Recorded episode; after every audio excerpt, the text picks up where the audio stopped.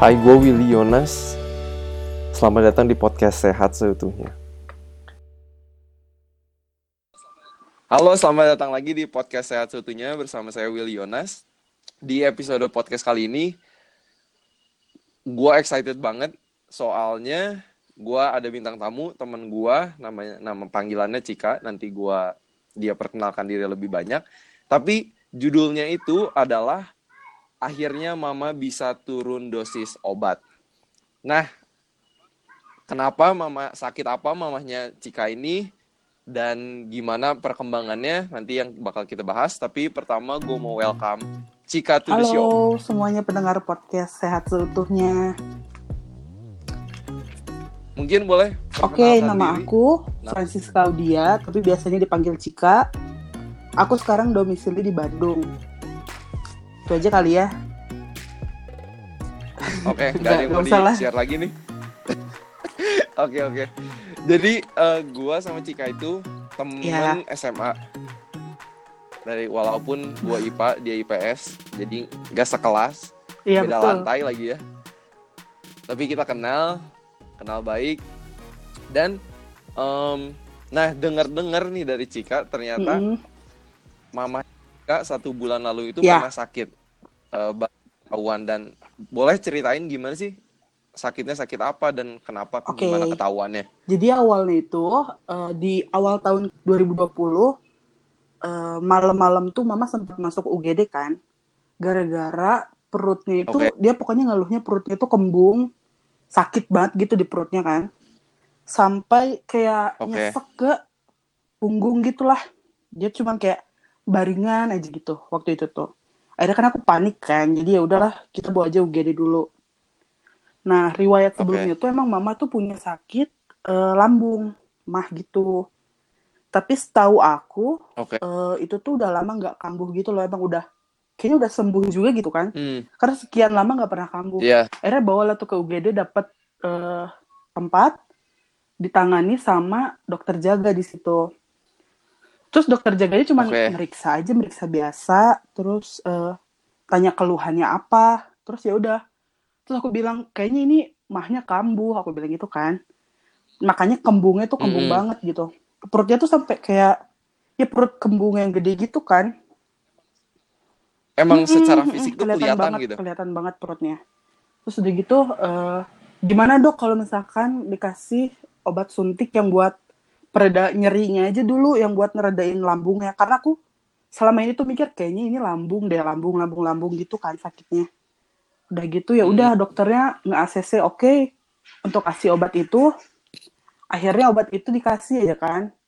Dia bilang "Eh, ini 30 Iya. menit sembuh nih, eh apa reda nih sakitnya. Nanti ke saya untuk ambil Oke. resep aja, dia bilang gitu kan.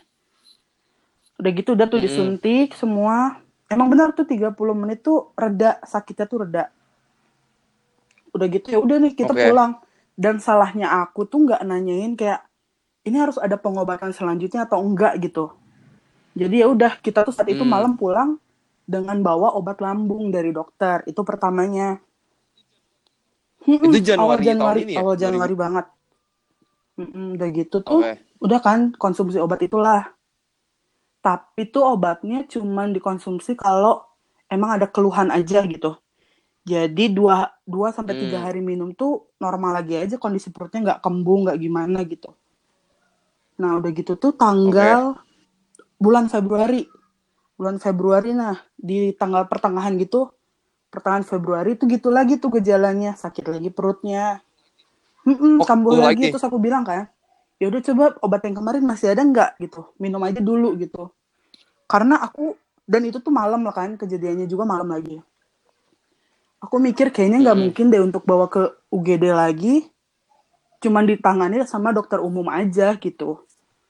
Udah gitu, akhirnya aku Hmm. bilang minum obatnya, dan mau minum obatnya terus aku putusin buat besok pagi langsung ke dokter spesialis penyakit dalam. Heeh, gitu. Hmm, oke Untuk Mm-mm, cari apa tahu sih apa yang Iya, kenapa bisa utamanya gitu ya kok terulang lagi gitu loh gejalanya sama gitu. hmm. itu tuh di Nah, itu Februari tuh di atau di tanggal di Februari ya 13 Februari sakitnya tuh. Mm-mm. Oke. Terus pas udah ke dokter spesialis penyakit dalam, terus gimana tuh? Ya. Apa disuruh tes darah atau Oke, aku jelasin lagi ya. Jadi pas di tanggal 4 Februari kan, kita pagi langsung ke rumah sakit. Itu pokoknya kondisi perutnya Oke. tuh agak enak, nggak sakit, cuman masih kembung. Kembungnya tuh ya, ya kembung banget gitu lah. Udah gitu, hmm, Oke. karena mama tuh nggak punya rekam medis yang teratur, karena terakhir kayak USG, terus cek darah lengkap gitu tuh di 2018 gitu kan.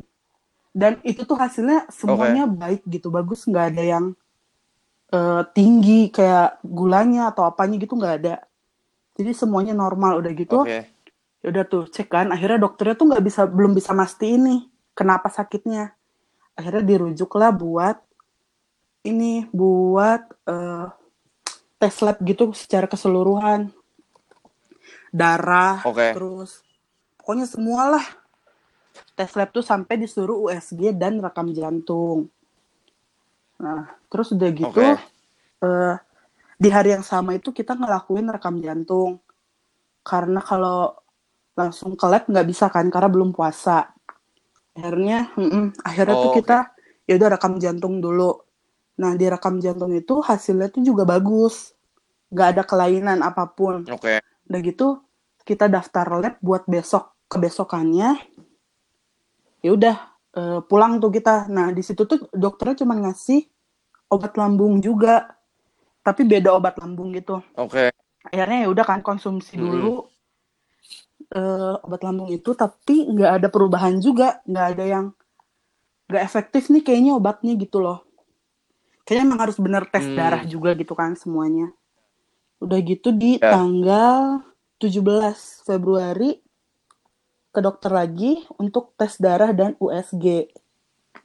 Terus ya udah tes darah, cek USG, cek semua ginjal, ginjal kiri kanan, terus pankreas, hati, semua kita cek semua. Dia emang emang Iya kayak tes tes benar-benar semua aja ya. lengkap secara keseluruhan karena nggak punya rekam medis yang teratur itu. Jadi dokter juga nggak bisa langsung mutusin ibu Oh. sakit ini, ibu sakit ini gitu. Itu sih. Iya benar-benar. Terus Mm-mm. akhirnya tes darah tanggal 14 Eh, tes Februari berarti. darah 17. 17 17. Atau ah. 15. Oh 17. Eh 17 Februari. Terus hasilnya Iya, keluar di hari yang sama nggak? dong. Jadi Terus hasilnya tuh tuh, hasilnya? aku tuh kan sekilas lihat tuh kan hasil labnya. Kayak ada penjelasan sangat tinggi gitu-gitu kan. Terus eh, oke. pokoknya batas tinggi gitu hasilnya tuh kayak kayak gitu. Hasilnya kok nggak ada nggak ada yang Jadi di- optimal gitu. eh, Iya, kayak udah dibintang-bintang. ditandain gitu loh. Kayak aku nggak ada yang optimal. Terus ya udah akhirnya kita ngantri ketemu dokter kan. Udah itu udah udah berkas udah lengkap semua. USG udah ada, eh, rekam jantung udah ada, sama hasil lab juga udah ada. Terus udah gitu, hmm, Oke. ketemulah dengan dokter. Dokternya buka hasil ininya kan, hasil labnya. Ternyata memang hasil labnya Mm-mm. sangat buruk saat itu gitu. Dan Oke. Kalau kalau dijabarin tuh yang yang buruk yang dibintangin oh tuh apa tentunya sih? pasti kayak kolesterol itu tinggi, trigliseridnya juga tinggi banget, Tingginya terus gula juga tinggi. Itu sih yang paling utama jadi concernnya itu. Oke, oke. Kalau kalau boleh tahu kayak kolesterolnya, trigliseridanya sama Hmm, gulanya oke, aku, aku baca berapa ini sih? ya. Kalau untuk Oke. total kolesterolnya itu di 375. Terus Oke. HDL-nya 29, LDL-nya 79, Oke. terus rasio kolesterolnya itu 12,9. Di mana orang-orang itu paling tinggi itu 6. Ini udah 12,9. Ini Betul. udah 12 jadi betul. dua kali lipat apa Mm-mm. yang dianjurkan. Dan trigliseridnya yang bener-bener kayak Oke. mencengangkan banget bisa sampai segitu. Trigliseridnya itu di 1349. Dengan sedangkan yang normal itu di bawah 1500 eh 150 sorry. di bawah 150 Wow. gitu sih itu yang benar-benar Wow, paling kayak kayak tinggi banget gitu wow. Jadi kolesterol Betul. 375 yang normal itu di bawah 200 dianjurkan di bawah 200. Trigliserida 1300-an yang dianjurkan iya di betul bawah 150. Wow. Terus kalau gula gimana kalau tuh? gula ini gula glukosa puasanya emang udah tinggi sih udah di 238 dan setelah makan 429 Oke. Ini buat para pendengar aja eh, kalau gula darah puasa itu har yang bagusnya Mm, itu di bawah 100. Tapi kita Mama Cika udah dia udah 200 lebih.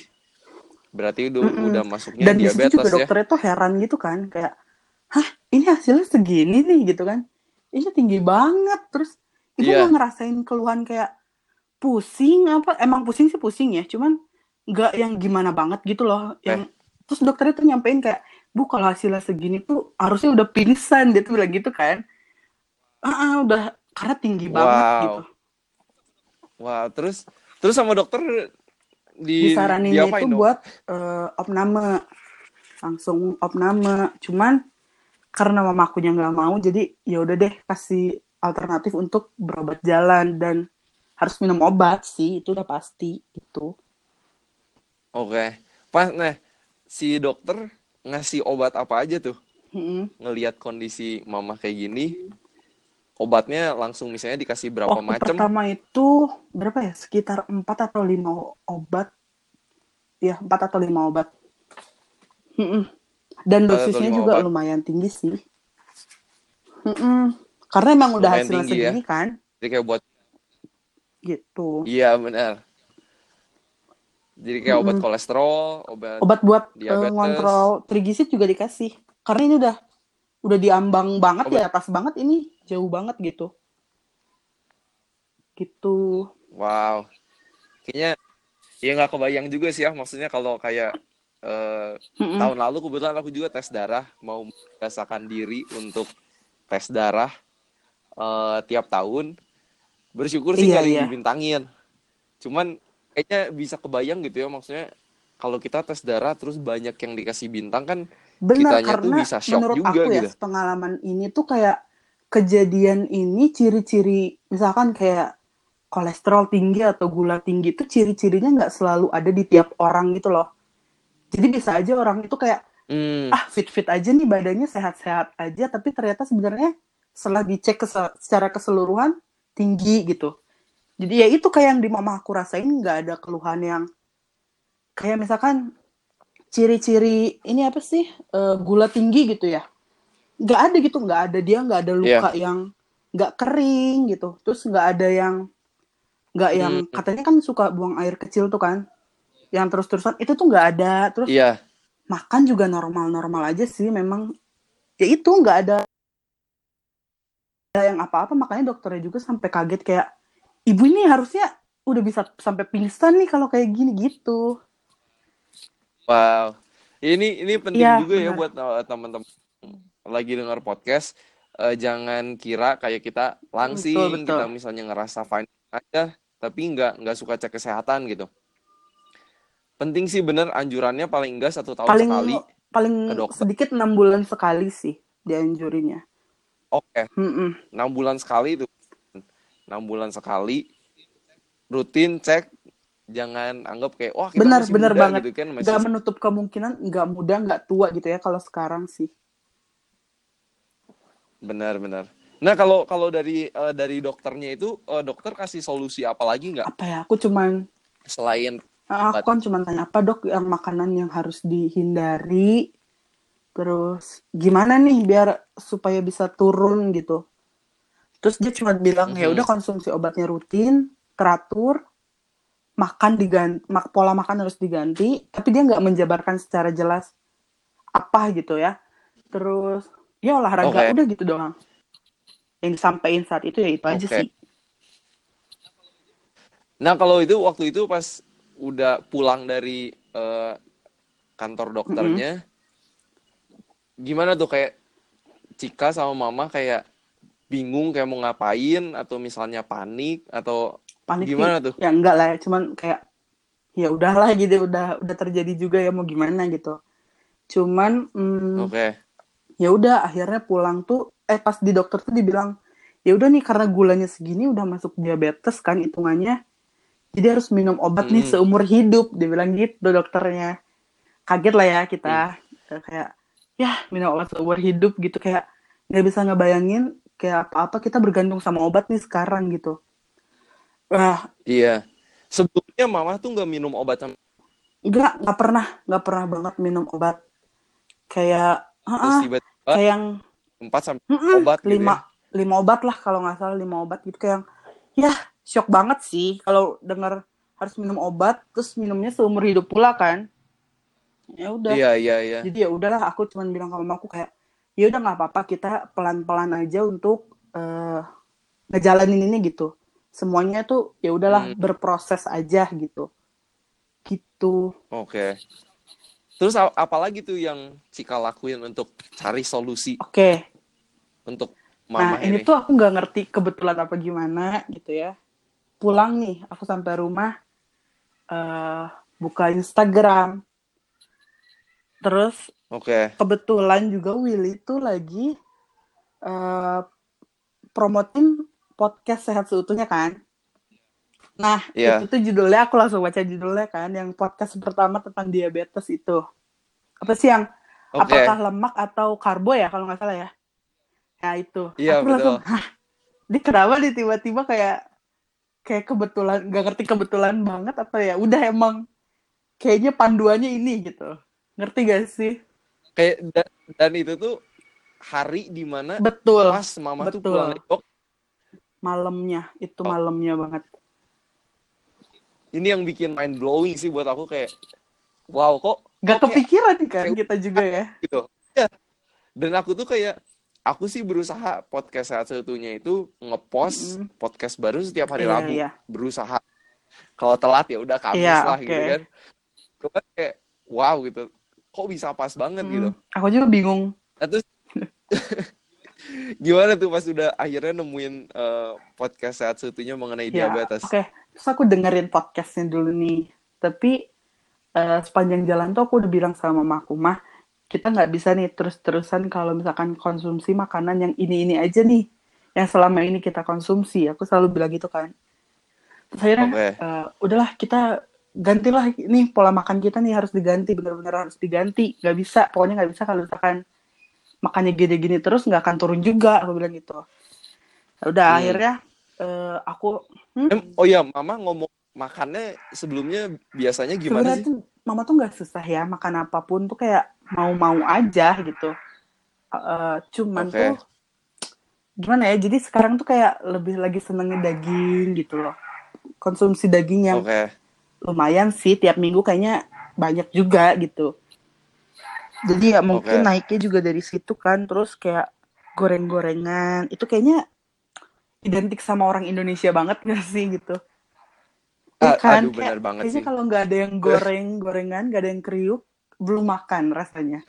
Ya kan, kayak gitu. Terus ya itu sebenarnya untuk makan buah dan sayur nggak nggak susah, cuman nggak tahu kenapa kadang, aduh males aja gitu. Gitu. Oke. Jadi akhirnya aku sampai rumah tuh aku dengerin podcastnya dulu. Oh ternyata ini toh penyebab yang bisa bikin eh, hasilnya jadi tinggi ini nih apa gulanya terus kolesterolnya aku jadi paham gitu sedikit-sedikit jadi ngerti gitu gitu Oke.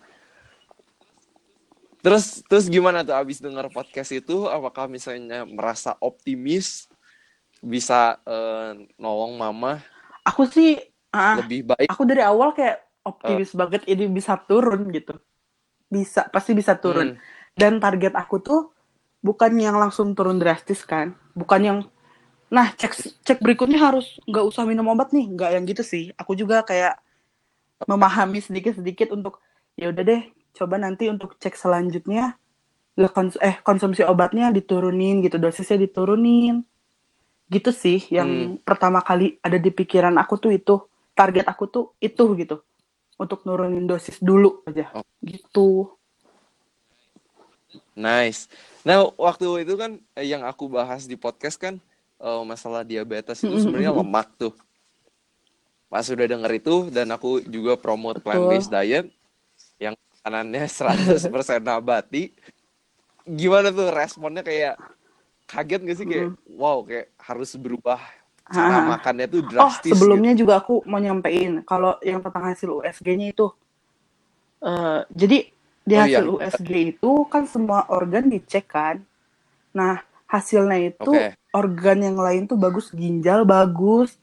Pokoknya yang lain tuh bagus aja kan, optimal gitu hasilnya tuh gak ada yang memerlukan perawatan gitu. Tapi ternyata Oke. hasil di hatinya itu yang buruk. Jadi terdapat Hmm. eh, fatty liver ya, sebutannya ah, fatty liver Oke. di di hatinya itu. Jadi ada penebalan lemak di hatinya gitu. I see. Dan itu identik banget juga Iya, sama betul. Dan diabetes. setelah aku cari-cari juga kayak, oh ternyata ini salah satu penyebabnya gitu. Gitu I gitu. see, I see. Mhm. Oke. Terus gimana Ya tuh udah. Belajar plant-based diet? Kaget Kaget sih nggak? enggak ya, karena sebenarnya itu makanan kita sehari-hari nggak sih? Itu tuh kayak yang ya sebenarnya bisa kita konsumsi, cuman orang kadang lebih milih mencari makanan yang enak buat mulutnya, tapi nggak itu tuh nggak sehat buat badannya gitu loh. Gitu sih. Terus akhirnya Benar. ya udah akhirnya dari situ aku ngerubah semua pola makan nasi juga aku ganti dari yang awalnya nasi putih jadi beras coklat itu Mantap. ngaruhnya ngaruh banget sih ngaruh banget Ngaruh banget ya. itu ngaruh banget terus pokoknya perbanyak sayur buah itu udah pasti lah ya sarapan tidak gorengan Hmm. sekarang tapi buah dan Oke. sayuran gitu sih Luar biasa. Ini cerita dikit ya. eh, waktu itu karena aku juga udah kontak mm-mm. sama Cika eh, pada saat ini. Kayak akhirnya Cika tuh nge-search sendiri online Iya, cari-cari resep yang plan bikin Eh, pokeball. Malah, malah saya sendiri terinspirasi Iya, jadi bikin pokeball gitu.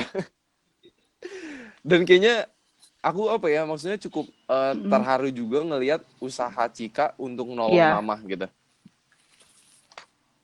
Kayak wow dan maksudnya nggak nggak semua orang eh, apa ya namanya mungkin bener-bener mau Mm-mm. melakukan perubahan gitunya. Eh, tapi aku salut banget kayak Cika sama Mama tuh kayak, man, semangat lah untuk eh, melawan penyakit yang Mama yang eh, katanya tidak bisa punya gitu. disembuhkan ya. Dan harus makan Ya obat seumur betul. hidup Itu yang gitu kan. berat tuh sebenarnya itu gitu ya. Benar. Dan obat kan maksudnya nggak murah Ah, betul, juga gitu betul. kan. Dan gak baik juga buat organ kita kan untuk ke depannya. Jadi ya kayak eh, adiknya Mm-mm. kakek aku, dia itu dulu eh, Mm-mm. punya kanker. Tapi udah gitu meninggalnya itu karena ginjal. Karena konsumsi Karena obatnya dia ya. tuh udah Iya betul Iya. betul betul. Akhirnya meninggalnya tuh karena gagal ginjalnya. Jadi banyak komplikasinya kan kalau udah kayak gitu. Banyak, banyak. Jadi terus akhirnya udah makan, cobain nih, Ah, ah, ah. makan plant based kayak prioritasnya makan nabati. Kelihatan kemajuannya tuh berapa lama sih? Nah, untuk kemajuannya sendiri aku tuh sampai yang wow banget gitu ya. Jadi 17 tanggal 17 tuh terakhir kita ke rumah sakit kan yang sampai dokternya bingung, ini gulanya bener nggak nih segini gitu. Sampai dokternya tuh ngebel Iya, iya, iya. ngebel dari dalam ruangannya manggil suster buat cek gula itu, cek gula di dalam ruangan lah gitu pakai alatnya itu. Nah, Oke, hasilnya itu masih di 305 gulanya tuh. Itu masih yang Oke. masih tinggi banget kan. Akhirnya ya udahlah Iya. pulang dari situ kita eh, pilih-pilih lah makanan apa sih yang bisa tetap dimakan enak tapi gizinya juga ada gitu. Bukan cuma enak tapi gizinya juga ada gitu loh. Ya. Ya udah akhirnya kita belilah makanan-makanan itulah ganti nasi terus konsumsi buah lebih banyak, sayur lebih banyak pastinya di seminggu 8 hari pertama tuh hasilnya udah bener-bener kelihatan banget bahkan di tanggal 17 tuh kan masih 305 tuh. Tanggal Oke. 20-nya tuh udah turun di 158 gula darah puasanya. Tuh, Wow. emang masih tinggi sih, cuman eh, penurunannya ternyata banyak banget gitu dari kita ngerubah pola makan itu sendiri gitu. Hmm, bener. Terus setelah seminggu, Nah, terus kita cek lagi dokter kan, kita ke dokter lagi tanggal 26. Tanggal 26 Februari kita ke dokter lagi untuk cek HbA1c-nya. Jadi eh, Mhm. kita mau lihat nih gimana nih gula darah tiga bulan ke belakang tuh apakah konsisten naik atau naik turun atau emang rendah gitu kan. Ternyata Hmm, betul. hasil HbA1c-nya itu juga jelek banget di 10,7. Itu udah Wow. tinggi banget Yang kan. Yang normalnya tuh berapa ya? Tiga ya? Eh, di bawah di bawah lima ya? yang normal di Iya, bawah. Di bawah 5,7. 5,7. Dan ini hasilnya 10,7. Gitu. Wow. Tapi eh, glukosa puasanya itu udah bagus. Di situ udah 115. Jadi udah kayak Udah 111. mm, udah terkontrol lah gitu. Itu udah masuknya Iya, pre-diabetes. benar-benar. Gitu sih. Wow. Dan dokternya ya. tuh eh, bingung kan, nanya gitu kayak, ibu makan apa ini bisa turunnya cepet banget gitu. Terus aku akhirnya aku jelasin Iya. lah makannya gini gini gini plant based diganti dengan plant based, konsumsi buah dan sayur lebih banyak. Aku bilang, pokoknya aku ceritain lah, oh gitu. Dan ditambah juga dengan olahraga pastinya karena kayaknya nggak mungkin bisa turun juga tanpa olahraga gitu ya. Jadi akhirnya dokternya Betul. juga yang kaget gitu bisa, hah bisa turun secepat ini gitu. Itu baru satu Delapan hari ya. itu delapan hari bener Wow. gitu. Improvement banyak. Eh, makan plant based udah gitu tambah di- Iya olahraga bener ya. olahraga harus. Olahraganya apa sih yang mama lakuin? Untuk sekarang sekarang sih kayak yang masih simpel aja dia misalkan pagi keliling komplek gitu 30 menit sampai sejam lah paling lama gitu sih. Untuk sekarang sekarang. Nice.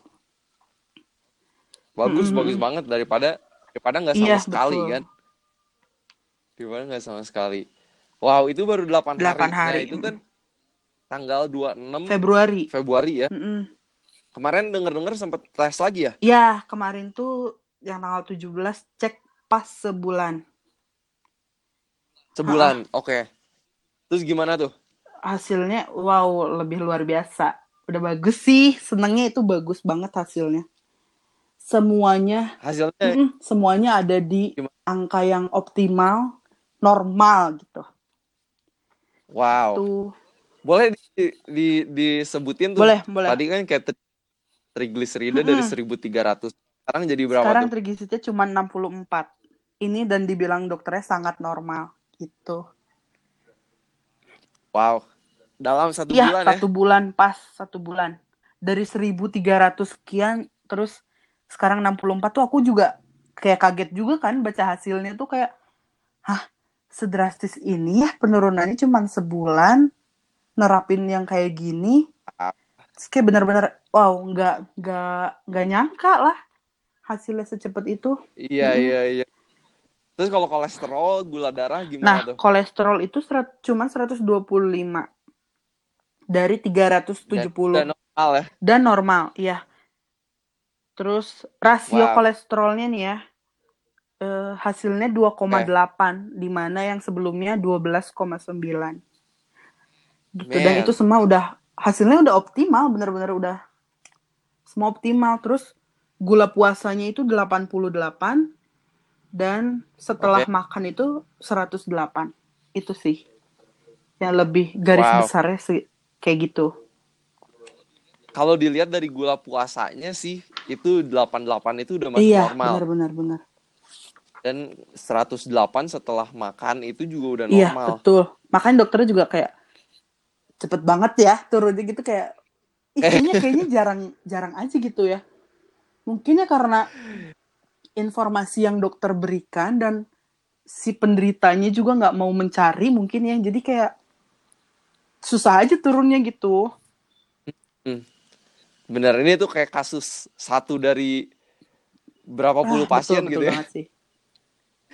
Wow. Terus gimana tuh? Eh, setelah dokter ngelihat hasil Mm-mm. tes darahnya itu jauh lebih baik eh, setelah satu bulan, apa obatnya ada yang dikurangin, obatnya ada yang di stop, gimana tuh? Pasti dong eh, obat tuh pasti ada yang dikurangin kan akhirnya gitu ya.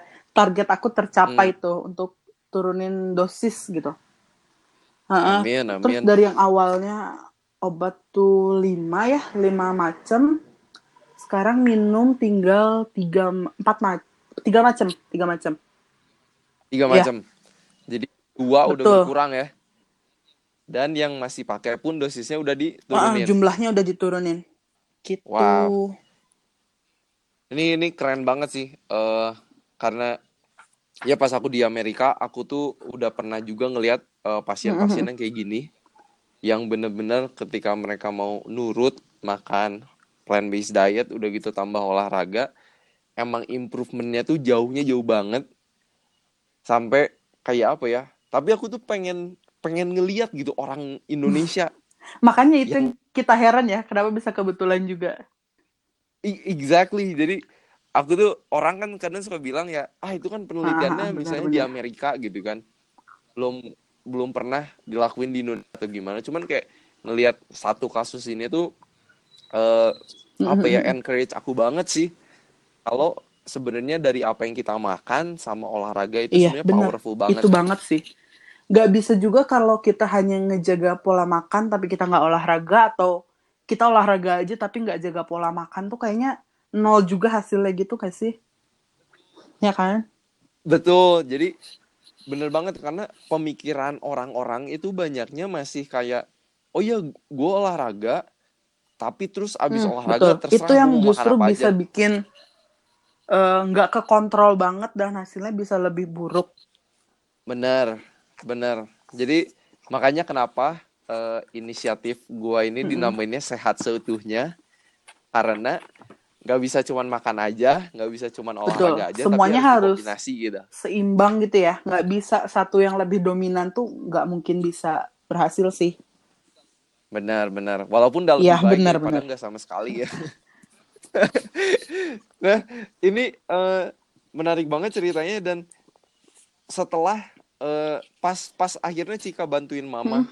untuk makan plant based, Cika sendiri ikutan gak tuh makan Ikut dong, karena nggak mungkin juga? kalau misalkan kita itu tuh kayak salah satu bentuk support kita untuk ya udah kita juga harus eh, ngikutin kayak gitu. Jadi pola makannya kita berubah. Jadi hampir semua sekarang pola makannya berubah gitu aja. Sebagai salah satu bentuk support Hmm, juga gitu. benar, benar. Dan kalau coba bo- boleh di-share nggak tuh kayak misalnya makan pagi Hmm, biasa bikin apa sih? Makan siang bikin apa oke. sih? Kayak buat Kalau se ide. sekarang-sekarang ini emang kayaknya aku belum punya banyak resep. Terus aku belum banyak ngulik juga. Jadi kayak Oke. kalau untuk pagi-pagi tuh mama biasanya oatmeal. Itu oatmeal dia biasa makan. Sama tumis sayur apalah gitu. Ya semaunya dia hari itu pengen makan apa. Itu. Atau enggak Oke. Oatmealnya pakai apa? Pakai buah, kadang pakai kita pakai manis, asin. granola. Terus kadang ya itu tumis sayur apa yang dia pengen hari itu. Gitu. Mm, terus kalau enggak Oke. Makan buah itu Terus kalau pasti. siang, Terus kalau siang ya makan nasi hmm, biasa. Cuman ya itu nasinya kita udah pakai nasi coklat. Terus tempe sih, tempe mantap. paling bener-bener pak juara banget, gila juara Juara banget. banget kan Itu kan tempe? aku ngecek tiap hari kan di pagi sama sesudah makan tuh aku pasti ngecekin gula darah kan. Pokoknya kelihatan banget lah perbedaannya kalau Hmm, kita bener makan yang sesuai dengan kebutuhan badan kita atau cuma sesuai keinginan mulut kita aja itu hasilnya benar-benar kelihatan gitu. Kelihatan banget dan tempe kelihatan wah banget ya. the best sih sejauh ini paling the best kayaknya tempe gitu. Bener-bener Ini emang ini beans, betul kacang-kacangan kayak betul kacang banget. merah, kacang hijau, tempe, Mm-mm. itu itu superfood banget buat juga orang oke banget. diabetes. Ya, Yes, edamame. Dan itu wah itu harganya kayaknya harganya murah ya kan itu maksudnya. sebenarnya itu tuh makanan yang biasa kita makan. Cuman kadang orang tuh bener. Mungkin salah di pengolahan makanya gizinya juga bisa hilang. Jadi nggak ada manfaat juga buat tubuh kita gitu. Betul, Gitu sih. betul, betul. Ya terutama kalau misalnya eh, lemak itu masalah utama Nah, diabetes, di kalau tempenya pula digoreng, kan bahaya juga ya. itu kan juga kan. Nah, Nah iya, itu walaupun jadi tempe mendoan tempe kan. judulnya. Betul, tapi Iya benar-benar ya benar. itu Pengolahannya itu juga ya. harus diperhatikan sih. Bukan hanya apa bahan bakunya.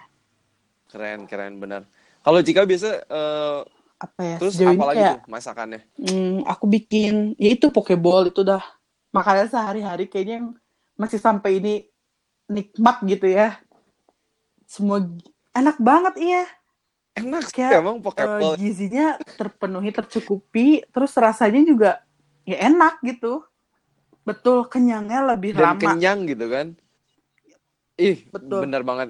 Itu powerfulnya lebih beans lama. tuh. Jadi kalau misalkan dulu mama tuh bisa makan nasi tuh benar-benar yang kayak wah kuli aja kalah kayaknya itu. Banyak banyak banget bener.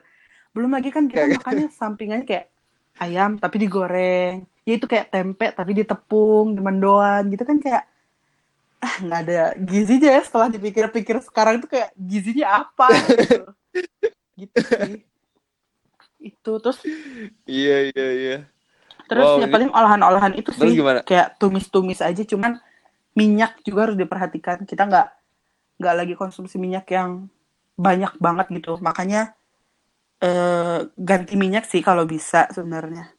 Jadi minyak jagung atau minyak apalah sekarang banyak kan macamnya yang sesuai dengan kebutuhan kita aja gitu. Oke, oke. Wow, ini keren banget ya emang Iya, jadi betul. lama-lama explore masak sendiri.